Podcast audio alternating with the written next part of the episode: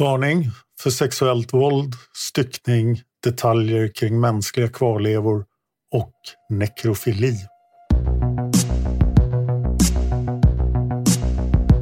Seriemördarpodden Camden Ripper del 2. Det här avsnittet är skrivet av David Oskarsson. Ljudsättning och klippning gjord av Emil Drugge. Och jag heter Dan Hörning.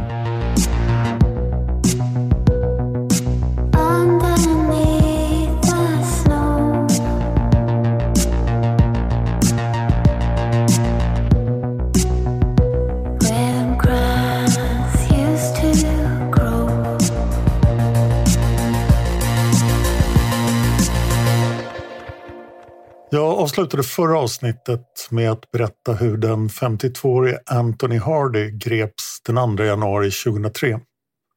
Anledningen till att han greps var att hans lägenhet kunde kopplas till de mänskliga kvarlevor som hade hittats i hans område. Anthony hade tidigare, i januari 2002, blivit påkommen i en väldigt misstänkt situation. Polisen gick in i hans lägenhet efter att han hade vandaliserat en grannes dörr och då påträffar de en död kvinna i hans sovrum.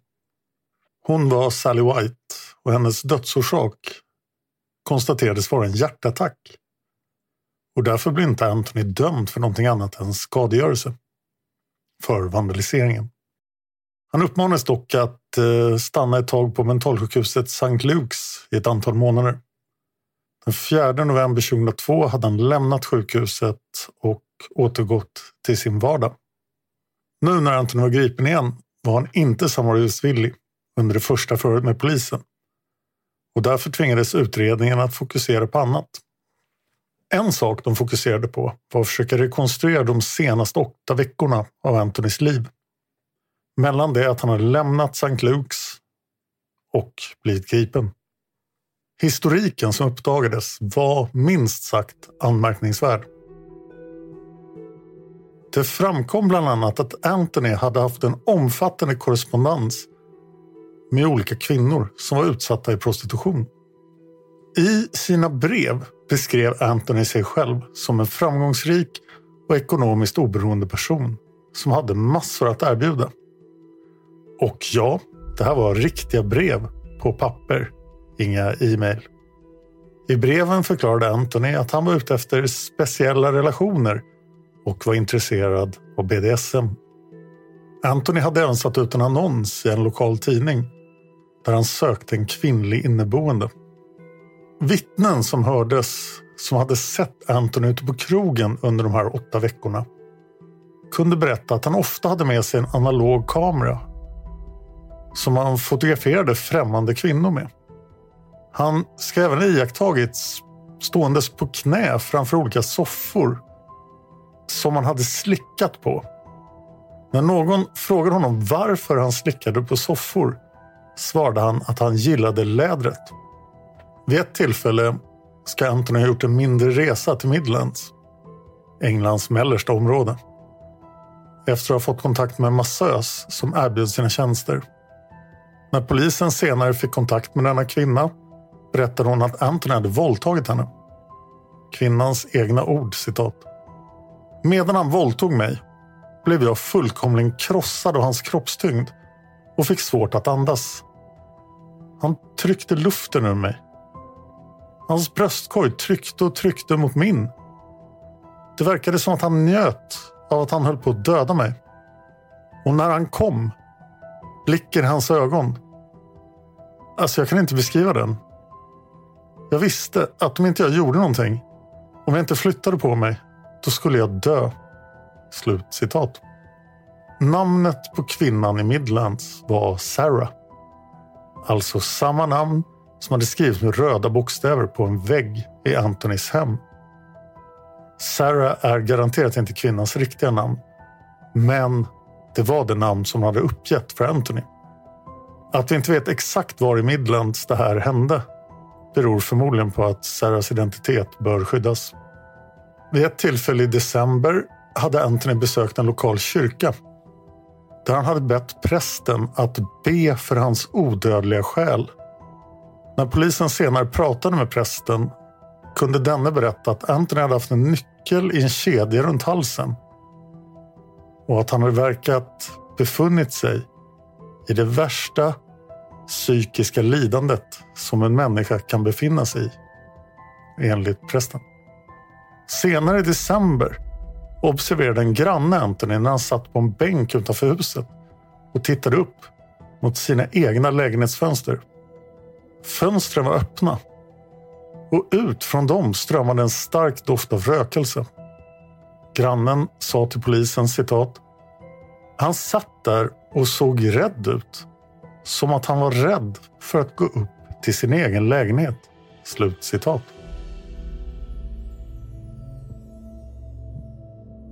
Jag nämnde i slutet av förra avsnittet att Anthony hade haft en sporadisk kontakt med Kelly Ann Nicol.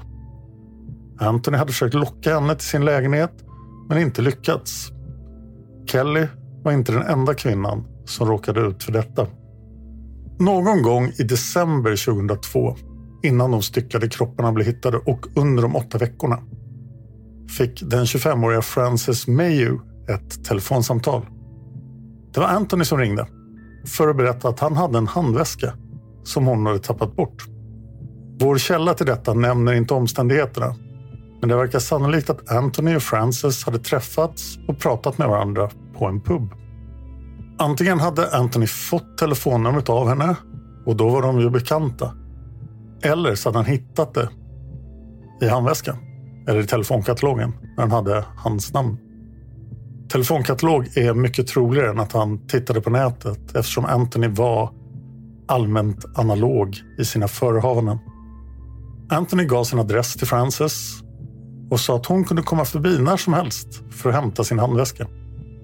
Det lät ju bra, men Frances var inte helt bekväm i situationen. Faktum är att hon kontaktade polisen och rådfrågade dem hur hon skulle göra. Hon tyckte det verkade lite obehagligt att bege sig till en främmande mans hus. Polisen sa att det var säkert inget farligt, men Frances borde för säkerhets skull informera någon anhörig om vart hon tänkte ta vägen när hon skulle åka och hämta väskan. Det lugnade inte ner Frances. Men hon kom på en annan lösning. Hon bad sin hyresvärd, en äldre kvinna, att följa med henne hem till Anthony. Frances hyresvärd skjutsade henne till Anthony. Hyresvärden satt kvar i bilen medan Frances begav sig upp till Anthonys lägenhet. Jag ska nu citera ett kort stycke från Rachel Bells artikel om Camden Ripper. Citat.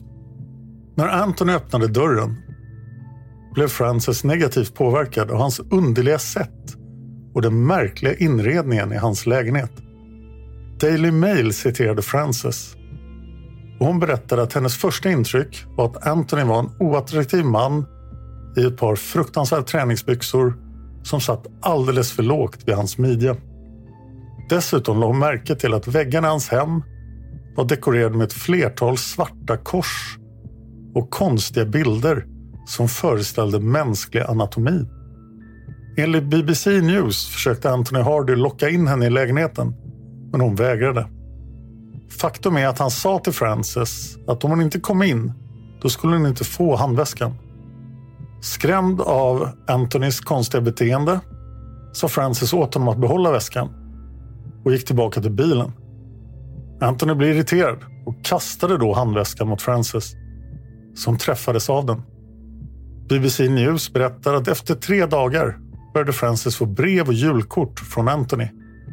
Och det fick henne att kontakta polisen. Kort därefter reste Frances iväg på en julsemester.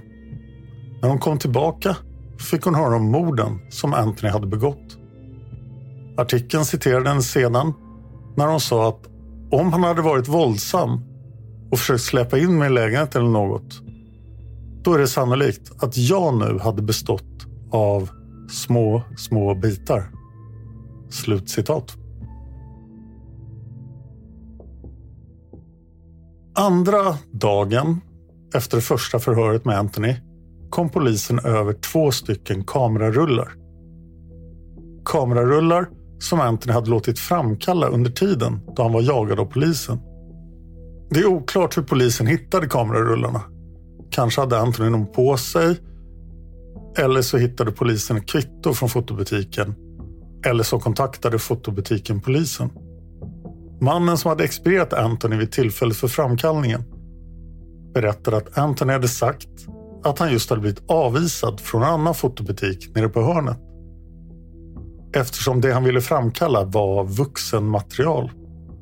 Expediten i denna andra fotobutik sa att det inte var något problem så länge bilderna föreställde vuxna människor som agerade i samtycke. Det är oklart om polisen kom över bilderna från kamerarullarna via Anthony eller om de fick be fotobutiken att framkalla dem på nytt. Alternativt framkalla fotografierna i ett kriminaltekniskt labb. Det finns vaga uppgifter i några artiklar att Anthony skulle ha överlämnat kamerarullarna till en vän vid namn Frank och bett Frank att skydda kamerarullarna till vilket pris som helst. På de två kamerarullarna fanns det 40 stycken bilder. Bilderna föreställde två kvinnor. De var fotograferade vid två olika tillfällen. Båda kvinnorna var klädda i en keps och en mask föreställande en djävuls ansikte. Det var alltså masken som polisen hittade i Antonys lägenhet i förra avsnittet. Kepsen de hade på huvudet var en keps som Anthony själv bar under dagen för sitt gripande. I övrigt var de två kvinnorna helt nakna. De poserade i olika sexuellt utmanande ställningar med sexleksaker instoppade i sina kroppsöppningar. När en patolog som utredningen arbetade med fick se bilderna sa han citat. De här kvinnorna poserar inte alls. De har blivit poserade. Kvinnorna är döda på bilderna. Slutcitat. Något som blev uppenbart för utredningen vid detta tillfälle var anledningen till att polisen hade hittat en hink med vatten och en tvättsvamp på golvet intill sängen i sovrummet när Sally White hittades i januari 2002. Anthony hade förmodligen planerat att tvätta av hennes kropp men blev avbruten när polisen knackade på. Bara dagar efter gripandet kunde rättsläkare konstatera att torson som hade hittats i Anthonys lägenhet tillhörde en av de döda kvinnorna som hade hittats i containern bakom puben på Royal College Street. Och nu var de båda även identifierade. Det var Elisabeth Selina Wallad från London, 29 år gammal och Brigitte McLennan, 34 år gammal, från Camden.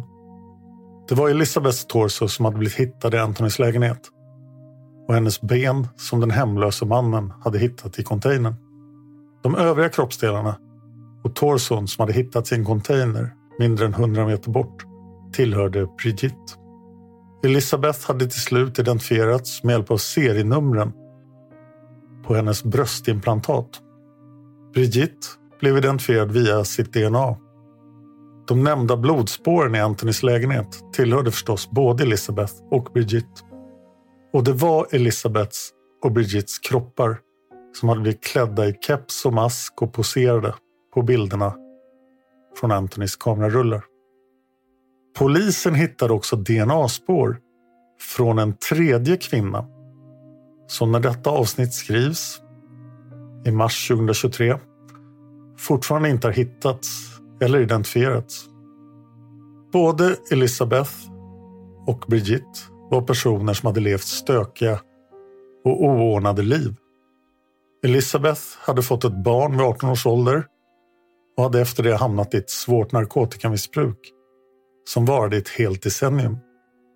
Under den tiden fick hon jobb på en massagesalong och där lärde hon känna en gift miljonär som hon inledde ett förhållande med. Tack vare sin älskares tillgångar hade Elisabeth under en tid en överdådig och lyxig tillvaro. När hon började träffa andra män sprack dock förhållandet. Elisabeth hamnade på gatan och då började hon sälja sin kropp för att finansiera sitt missbruk. Polisen misstänkte att Anthony hade lurat Elisabeth till sin lägenhet. Antingen med narkotika eller med pengar så att hon kunde köpa narkotika. 34-åriga Brigitte var en tvåbarnsmamma. Hon kom ursprungligen från Nya Zeeland men hon sålde sin kropp på gatan i Camden. och även hon hade varit narkotikamissbrukare. Både Elizabeth och Brigitte hade varit beroende av crack. Det dröjde inte länge innan åtal väcktes och rättegången mot Anthony Hardy planerades att hållas i november 2003. När rättegångsdatumet väl kom chockade Anthony alla i rättssalen i Old Bailey i London. Inte minst sin egen försvarsadvokat. Han erkände sig nämligen omedelbart skyldig till de tre morden han stod åtalad för. Mordet på Sally White, mordet på Elisabeth Wallad och mordet på Brigitte McLennan. Hans försvarsadvokat hade ingen aning om att han tänkte erkänna. Polisen hade ganska svag bevisning för att Anthony skulle ha mördat Sally White. Hennes officiella dödsorsak var ju en hjärtattack. Jag ska nu citera delar av en artikel som publicerades av The Guardian den 26 november 2003. Dagen efter att Anthony hade fått sin dom. Men det är alltså oklart om detta var datumet då han även erkände sig skyldig. Vanligtvis sker denna sorts juridiska ärenden på olika dagar.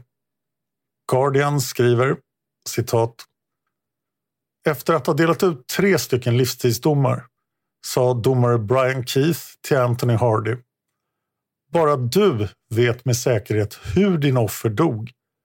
Men de onämnbara förnedringarna du utsatte dina sista två offers kroppar för i syfte att tillfredsställa dina perversa lustar råder inga tvivel om.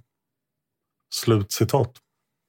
Anthony hade alltså tre livstidsstraff och de ska han avtjäna på anstalten Her Majesty's Prison Frankland i grevskapet Durham i nordöstra England. Som jag nämnde i förra avsnittet så var det rättsläkaren Dr. Patel som hade konstaterat att Sally White dog av naturliga orsaker. Den främsta dödsorsaken var en hjärtattack. I samband med andra medicinska problem hade hon en medfödd hjärtsjukdom som hängde ihop med hennes medfödda ryggradsskada. Han fick en hel del kritik nu när Anthony Hardy hade erkänt mordet på Sally White. Man kan ju undra varför Dr. Patel totalt verkar ignorera omständigheterna kring Sally Whites död. Till exempel verkar han inte fråga sig varför hon fick en hjärtattack vid just det tillfället, där i Anthony Hardys sovrum. The Guardian skrev 2009 citat. I januari 2002 konstaterade Dr. Patel att Sally White, 38, hade dött av naturliga orsaker till följd av en hjärtsjukdom. Hennes kropp hittades inlåst i ett sovrum i Camden-lägenheten tillhörande Anthony Hardy. En 52-årig psykiskt sjuk alkoholist. Slutcitat. Dessutom konstaterar artikeln att Anthony Hardy senare då mördade Elizabeth Wallad och Bridget McLennan. Varför The Guardian skrev om Dr. Patel 2009 kommer jag snart att återkomma till. Efter att Anthony Hardy hade dömts kvarstod det förstås flera olösta fall varav jag framförallt fokuserade på två stycken i förra avsnittet.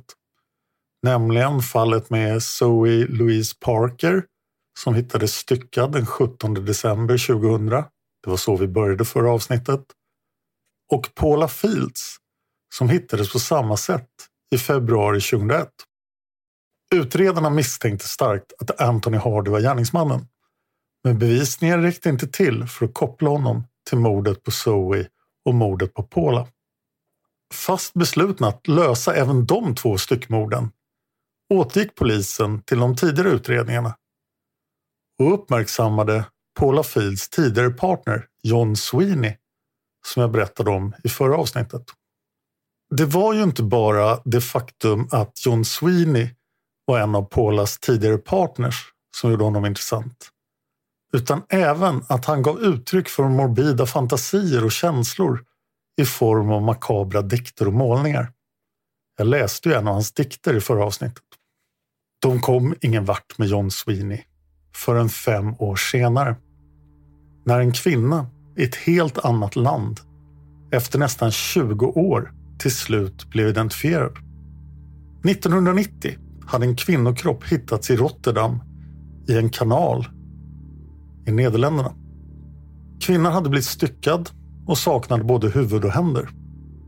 Det försvårade givetvis identifieringen. Särskilt i kombination med att inga personer som stämde in på den döda hade blivit anmälda försvunna i närtid i Rotterdam.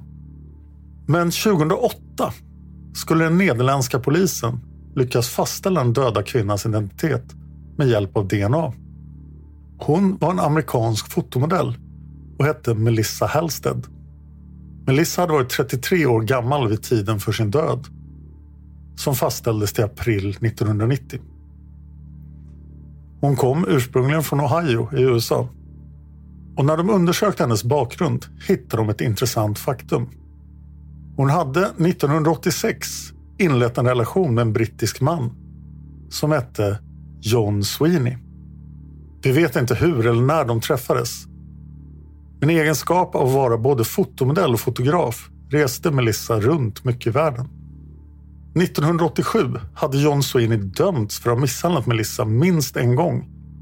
Men det resulterade bara i böter. 1988 flyttade paret till Österrike. Och där blev John Sweeney fängslad efter att ha överfallit Melissa med en yxa och åsamkat henne huvudskador. Någon gång efter det flyttade paret igen, nu till Amsterdam i Nederländerna. Och av vad det verkar slutade inte historien lyckligt. Det är värt att notera att John var tillbaka i England 1990, det året då Melissa hittades död. I England fortsatte John Swain att ha flera stormiga och problematiska förhållanden, vilka han misshandlade sina partners.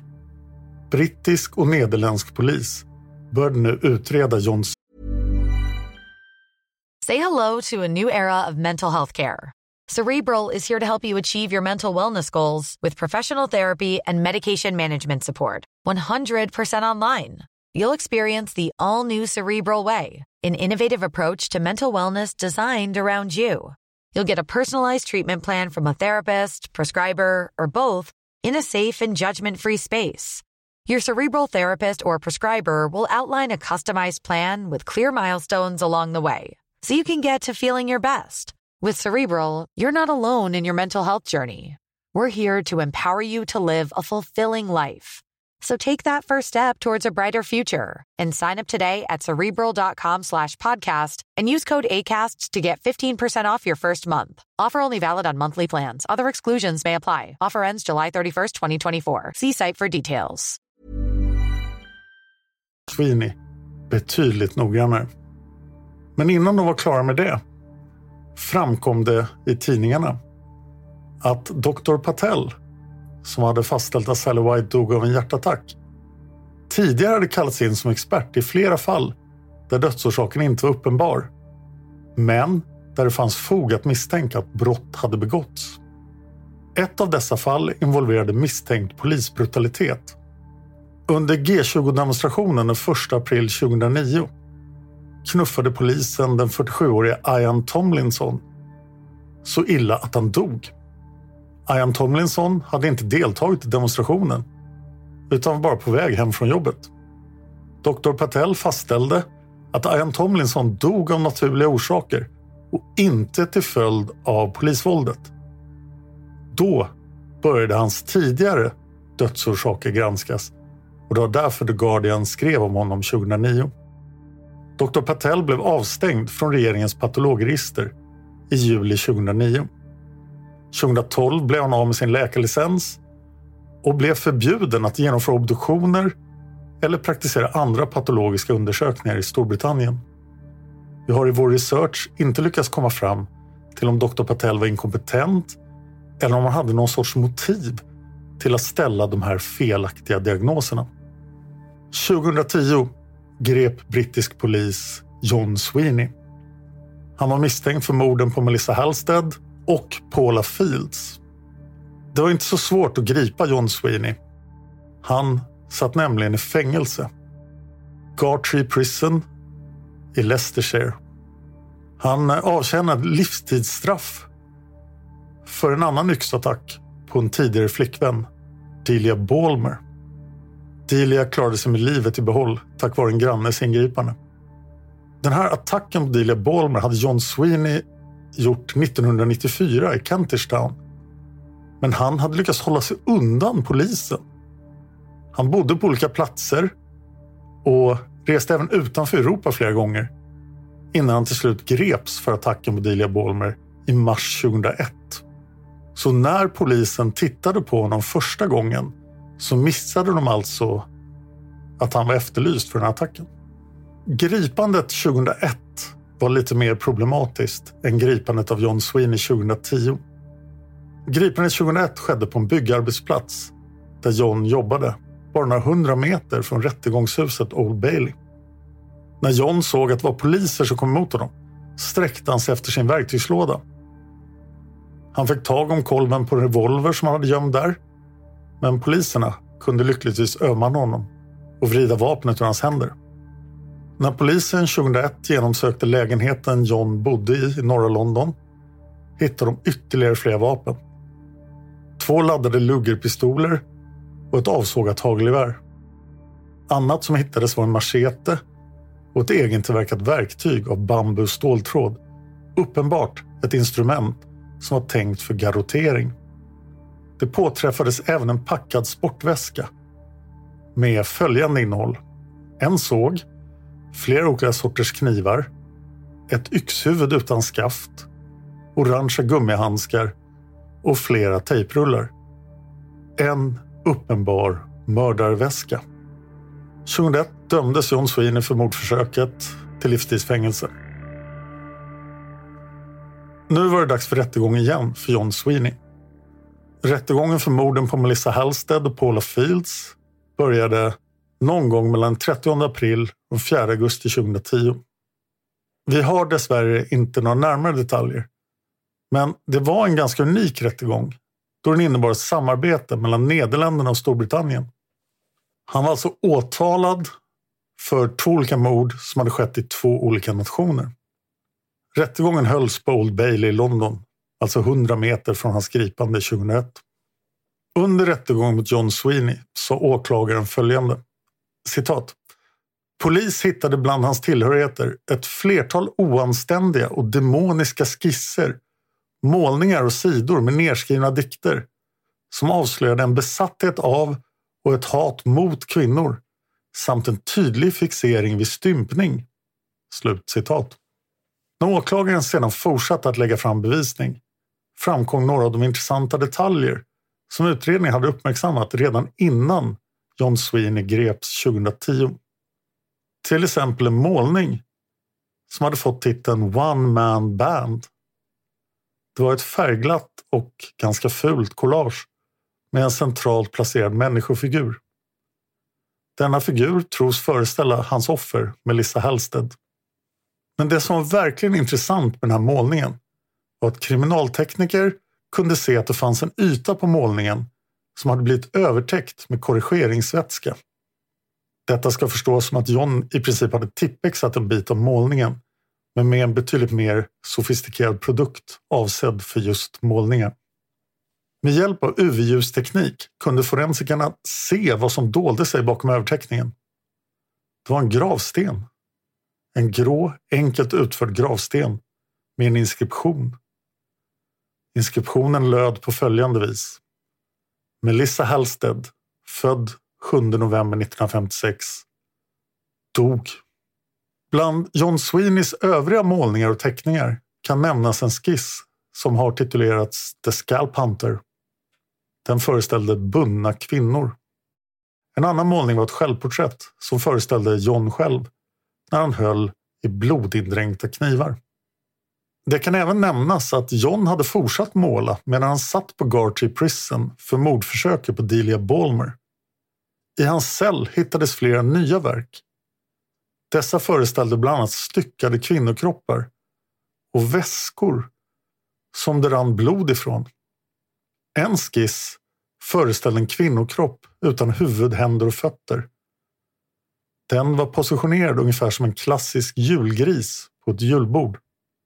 Det var i exakt denna position som Melissa Halsteds styckade kropp hade blivit hittad. Andra målningar av John Sweeney föreställer bland annat exploderande poliser eller olika framställningar av helvetet där numret 666 är ständigt återkommande och där John Sweeney porträtterar sig själv som Satan. John bortförklarade sina skisser och målningar med att det bara var meningslöst trams som han hade kladdat ihop när han var påverkad av cannabis och LSD. Melissa Hallstedts syster vittnade under rättegången och berättade att Melissa en gång hade sagt citat. Hon sa till mig att om hon någonsin plötsligt försvann, då skulle det vara John Sweeney som hade mördat henne. Slut citat. Den 4 april blev John Sweeney funnen skyldig av juryn och den 5 april 2011 dömdes John Sweeney, 54 år gammal, till livstidsfängelse igen för morden på Melissa Halstead och Paula Fields. Arbetet var dock långt ifrån över, precis som i fallet med Anthony Hardy.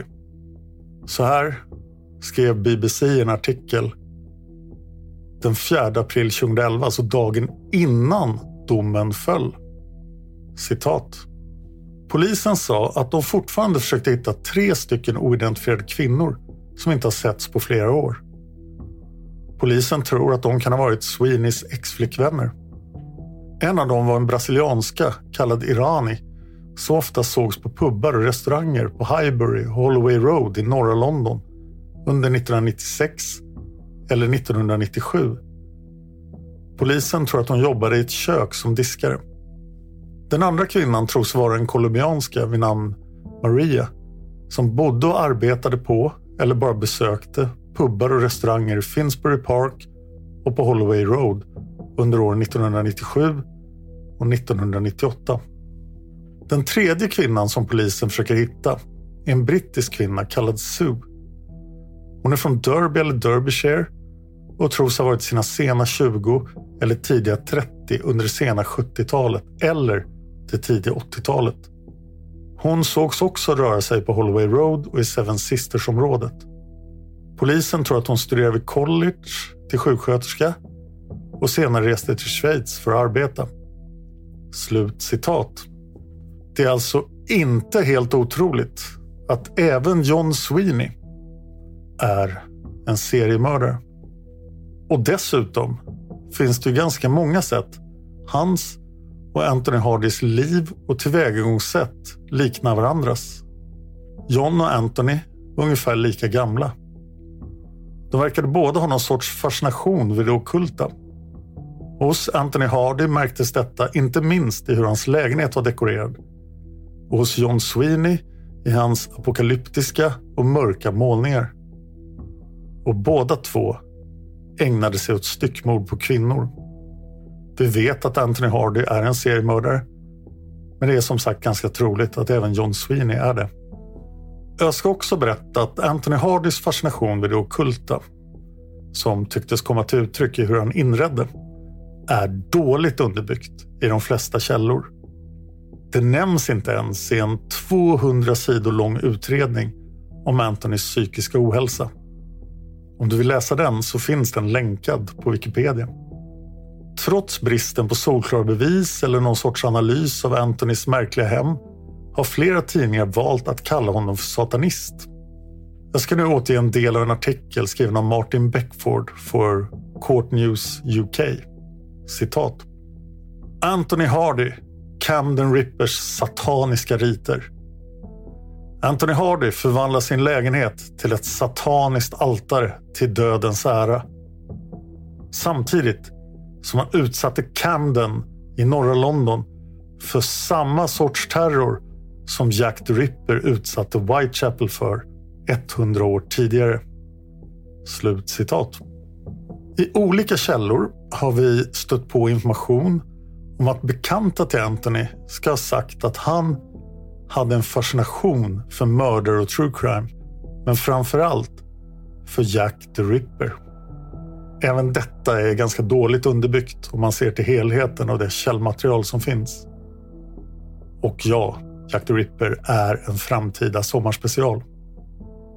Det faktum att John Sweeney nu var bakom lås och bom innebar inte att utredningen av Anthony Hardys eventuella kopplingar till andra försvinnanden eller mord upphörde.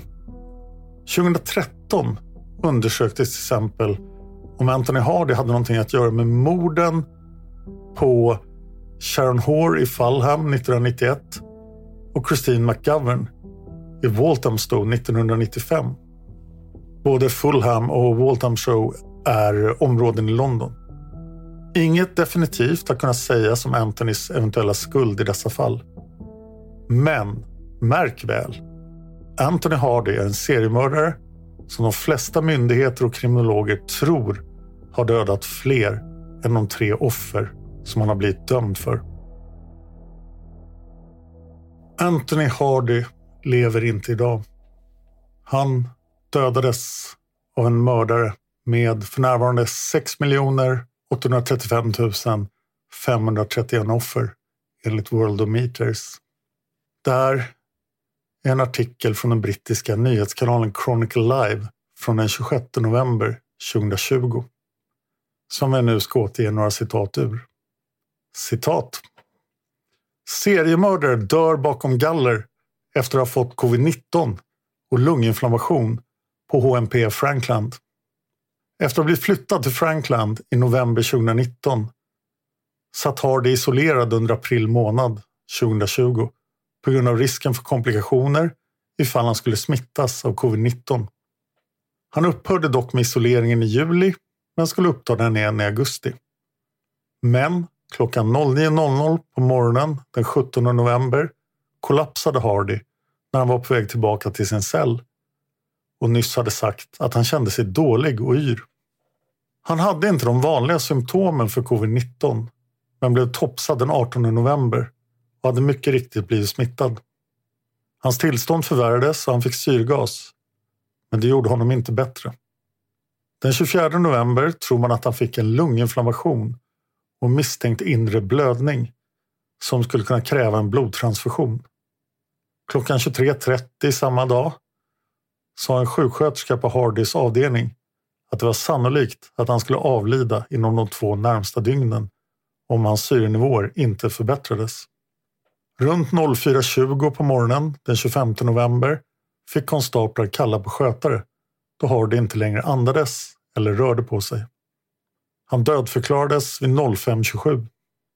Rättsläkaren konstaterade att Anthony Hardy hade dött till följd av covid-19 lunginflammation.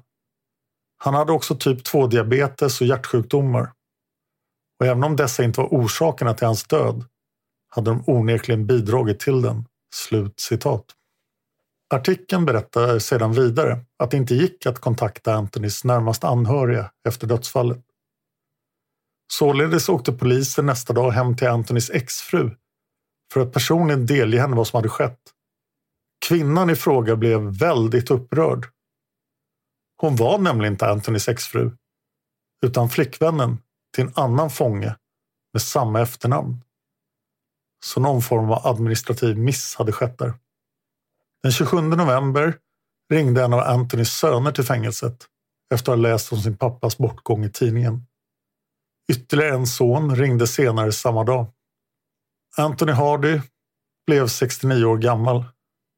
Om han mördade någon mer än Sally White, Elizabeth Wallad eller Bridget McLennan kanske vi får veta i framtiden. Den 3 juni 2021 publicerade tidningen My London ett reportage om platsen där historien om Anthony Hard först blev känd för allmänheten. Royal College Street.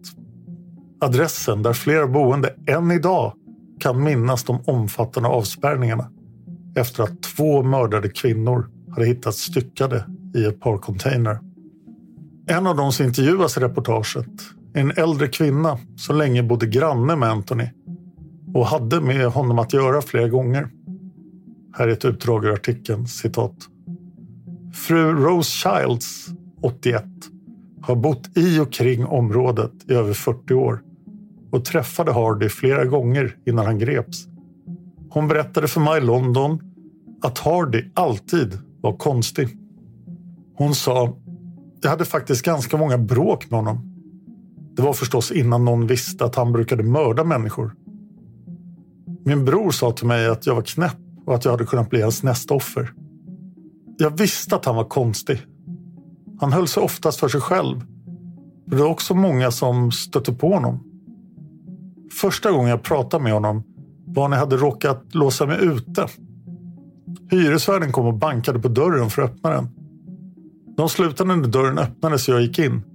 Men plötsligt hördes bankandet igen. Jag gick ner en trappa dit ljudet kom ifrån. Och då satt Anthony Hardy där på golvet med en hammare. Och slog. Jag frågade honom om han hade något problem. Då tittade han på mig med en konstig blick och sa nej.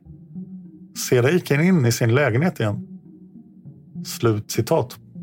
Det här är fru Childs berättelse ordagrant från artikeln i My London.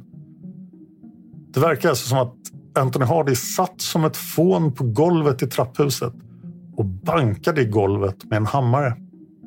Nästan som att han härmade ljuden från när hyresvärden hjälpte fru Childs att komma in i sin lägenhet. Artikeln fortsätter, citat. Sedan åren då Hardys hemska brott blivit uppdagade säger Rose att det är många hyresgäster som har kommit och gått. Hon säger det kommer en massa nya hyresgäster hit. Om de har fått veta vad som har hänt där eller om de känner sig obekväma med det, det har jag ingen aning om. Det har bott sex olika hyresgäster i Hardys lägenhet sedan allt det där hände.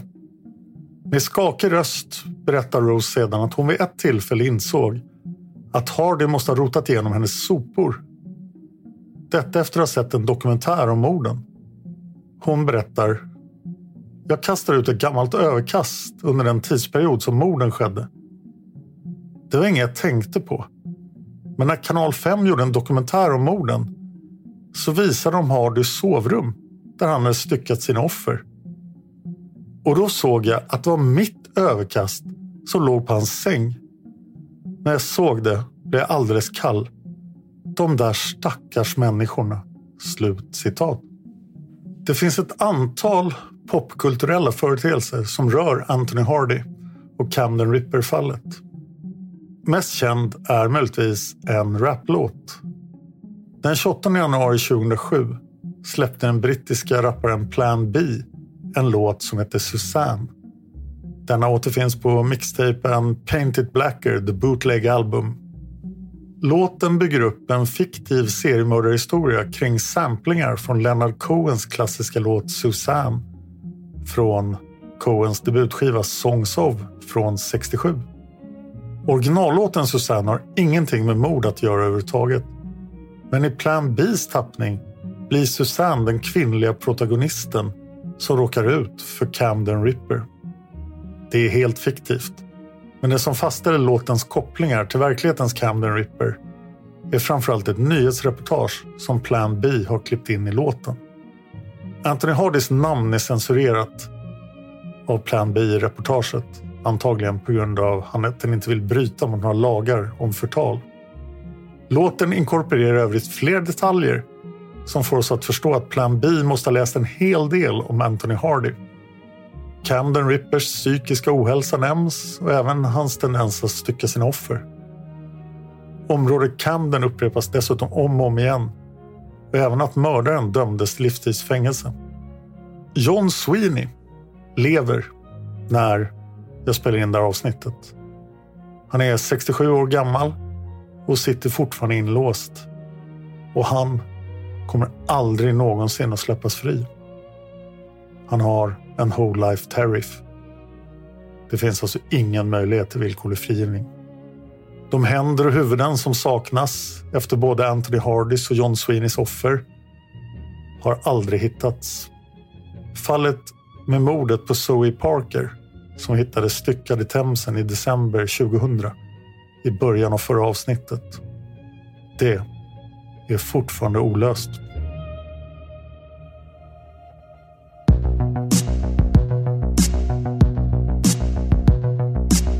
Jag finns på Twitter och Instagram. Jag heter Dan Hörning, så är lätt att hitta. Du kan också mejla till Seriemördarpodden på simwaypodcast.gmail.com Simway med Z. Tack till David Oskarsson som har skrivit den här serien. Tack till Emil Drugge som arbetar med ljudet. Och tack till dig för att du lyssnar på Seriemördarpodden.